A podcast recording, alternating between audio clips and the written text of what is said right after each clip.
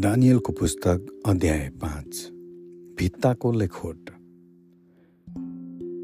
बिलसजर राजाले आफ्ना एक हजारजना भारदारहरूलाई एउटा ठुलो भोज दिए र उनीहरूसित उनले दागमध्ये पिए।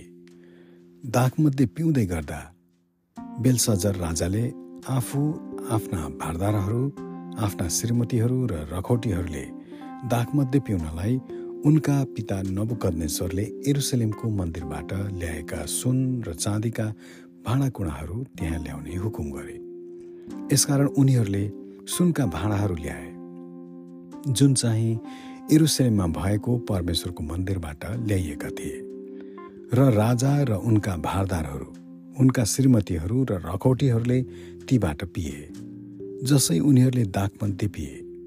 उनीहरूले सुन र चाँदीका काँसो फलाम काठ र ढुङ्गाका देवताहरूको प्रशंसा गरे। अचानक राजदरबारमा भएको पानसको नजिक एक मानव हातका औँलाहरू देखा परे र लिपिएको भित्तामा लेख्न लागे। यो लेख्दै गरेको हात राजाले देखे। उनको अनुहार पहेँलो थियो र उनी यति डराए कि उनका घुँडाहरू कामेर ठोकिन थाले र गोडाहरू लल्याक लुक पाए। राजाले तन्त्र मन्त्र गर्नेहरू ज्योतिषीहरू र जोखना हेर्नेहरूलाई बोलाउन लगाए र बेबिलोनका यी ज्ञानी पुरुषहरूलाई भने जसले यो लेख पढ गर्छ र यसको अर्थ मलाई बताइदिन्छ त्यसलाई बैजनी पोसाक पहिराइनेछ र त्यसको गलामा सुनको सिक्री लगाइनेछ र त्यसलाई राज्यको तेस्रो उच्च शासक बनाइनेछ। तब राजाका सबै ज्ञानी पुरुषहरू आए। तर उनीहरूले यो लेख पढ्न वा यसको अर्थ राजालाई बताउन सकेनन्। यसकारण राजा बेलसजर अझ भयभीत भए र उनको अनुहार अझ पहेँलो हुँदै गयो। उनका भारदारहरू अलमल्ल परे। राजा र उनका भारदारहरूका स्वर सुनेर रानी भोजको कोठामा आइन् र तिनले भनिन् महाराजा अमर रहन्। नआत्तिनुहोस् यस्तो पहेँलो अनुहार नबनाउनुहोस्। तपाईँको राज्यमा एकजना मानिस छन् जोसँग पवित्र देवताहरूका आत्मा छ। तपाईँका पिताको पालोमा उनमा देवताको जस्तै अन्तर्दृष्टि ज्ञान र बुद्धि पाइएको छ।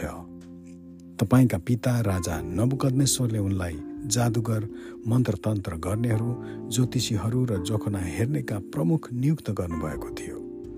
यी दानियल नाउँ गरेका मानिस जसलाई राजाले बेलत सजर भन्नुहुन्थ्यो तीव्र मन र ज्ञान र समझ भएका भेटाइए र साथै उनले सपनाका अर्थ बताउन् अड्कोहरू फुकाउन् र कठिन समस्याहरू हल गर्न पनि सक्थे। दानियललाई बोलाउनुहोस् र उनले तपाईँलाई यस लेखको अर्थ बताइदिनेछन्। यसकारण दानियललाई राजाको सामुन्य उपस्थित गराइयो। अनि राजाले तिनलाई भने के तिमी दानियल देश निकाला गरिएका मध्ये एक हौ जसलाई राजा मेरा पिताले यहुदाबाट ल्याउनु भएको थियो? मैले सुने तिमीका तिमीमा देवताहरूको आत्मा छ। र तिमी अन्तर्दृष्टि ज्ञान र विच्छट्ट बुद्धि भएका मानिस छौ अरे। ज्ञानी पुरुषहरू र मन्त्रतन्त्र गर्नेहरू यो लेख पढ्न र मलाई यसको अर्थ बताउन मेरो सामुन्ने ल्याइए। तर उनीहरूले यो बताउन सकेनन्। अब मैले सुनेको छु कि तिमी अर्थ खोल्न र कठिन समस्याहरू समाधान गर्न सक्छौ। यदि तिमीले यो लेख पढ्न र यसको अर्थ बताउन सक्छौ भने तिमीलाई बैजनी पोसाक पहिराइनेछ र गलामा सुनको सिक्री लगाइनेछ र राज्यमा तिम्रो स्थान तेस्रो हुनेछ। तब दानियलले राजालाई उत्तर दिए हजुरका उपहारहरू हजुर आफै राख्नुहोस् र हजुरका इनामहरू अरू कसैलाई दिनुहोस्। तापनि महाराजाको लागि यो लेख पढिदिनेछु र यसको अर्थ बताइदिनेछु।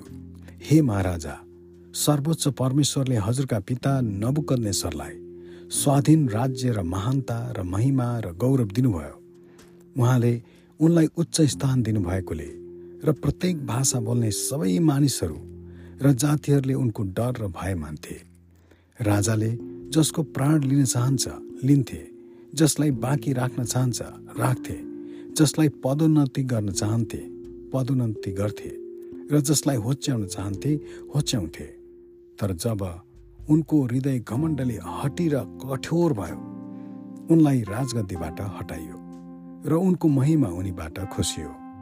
उनलाई मानिसहरूबाट हटाएर एउटा पशुको मन दिइयो। उनी वनका गधाहरूसँग बस्थे र गाई वस्तुले जस्तै घाँस खान्थे र उनको शरीर आकाशको शीतले भरिन्थ्यो। जबसम्म उनले मानिलिएनन् कि मानिसका राज्यहरूमाथि सर्वोच्च परमेश्वरकै अधिकार छ। र उहाँले इच्छा गर्नुभएकोलाई यो दिनुहुन्छ।